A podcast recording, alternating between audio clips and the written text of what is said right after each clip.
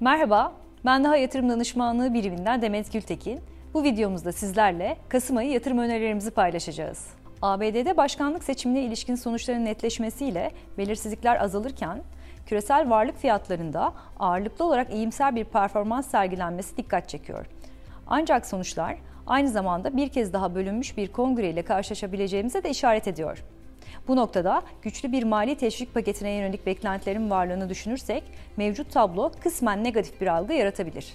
Buna karşın kongrenin dengede kalması aynı zamanda olası yeni vergi artışlarını sınırlandıran bir çerçeve çizdiği için negatif etkileri fazlasıyla limitler nitelikte. Öte yandan koronavirüs vakalarındaki artış yeni kısıtlamaları tetiklerken aşı konusundaki pozitif gelişmelerin de fiyatlamalara olumlu etki edebileceğini düşünüyoruz. Yurt içinde ise enflasyon raporunda yıl sonu tüfe tahminini %12.1 seviyesine yükselten ancak politika faizini sabit tutan Türkiye Cumhuriyet Merkez Bankası fonlama maliyetini yukarı taşımayı sürdürüyor.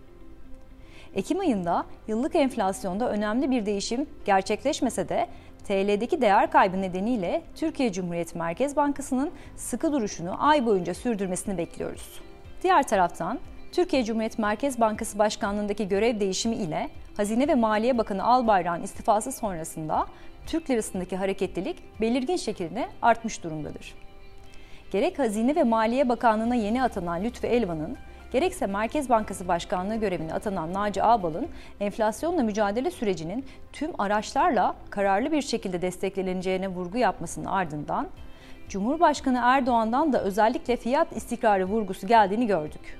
Ekonomi yönetiminden gelen mesajların Cumhurbaşkanı Erdoğan'ın açıklamalarıyla en üst düzeyde desteklenmesi, yeni ekonomi yönetimi altında ekonomi ve para politikasının daha güçlü ve öngörülebilir olacağına dair beklenti yaratmış durumda. Bu beklentilere paralel olarak hafta başından bu yana TL varlıklarda son derece pozitif bir seyir izlenirken iyimserliğin kısa vadede etkisini sürmesini bekliyoruz. Risk grupları bazında dengeli, dinamik ve atak olmak üzere 3 farklı portföy modelimiz bulunmakta. Taşıdığı pozisyonlar itibariyle hali hazırda düşük riskli ve yıllıklandırılmış getirisi %33 olan dengeli portföyümüzün yapısında bu ay değişikliğe gitmiyoruz. Ortalama risk seviyesini yansıtan yıllıklandırılmış getirisi %35 olan dinamik portföyümüzde bu ay değişikliğe gitmiyoruz. Göreceli olarak düşük mevduat ve yüksek hisse ağırlığı ile hali hazırda yüksek risk seviyesini yansıttığı için yıllıklandırılmış getirisi %36 olan atak portföyümüzde bu ay değişikliğe gitmiyoruz. Daha yatırım danışmanlığı birimi olarak Kasım ayı yatırım önerilerimizi paylaştık. Zamanlı kazanca dönüştürmek için Unity Club YouTube kanalımızı takip etmeye devam edin.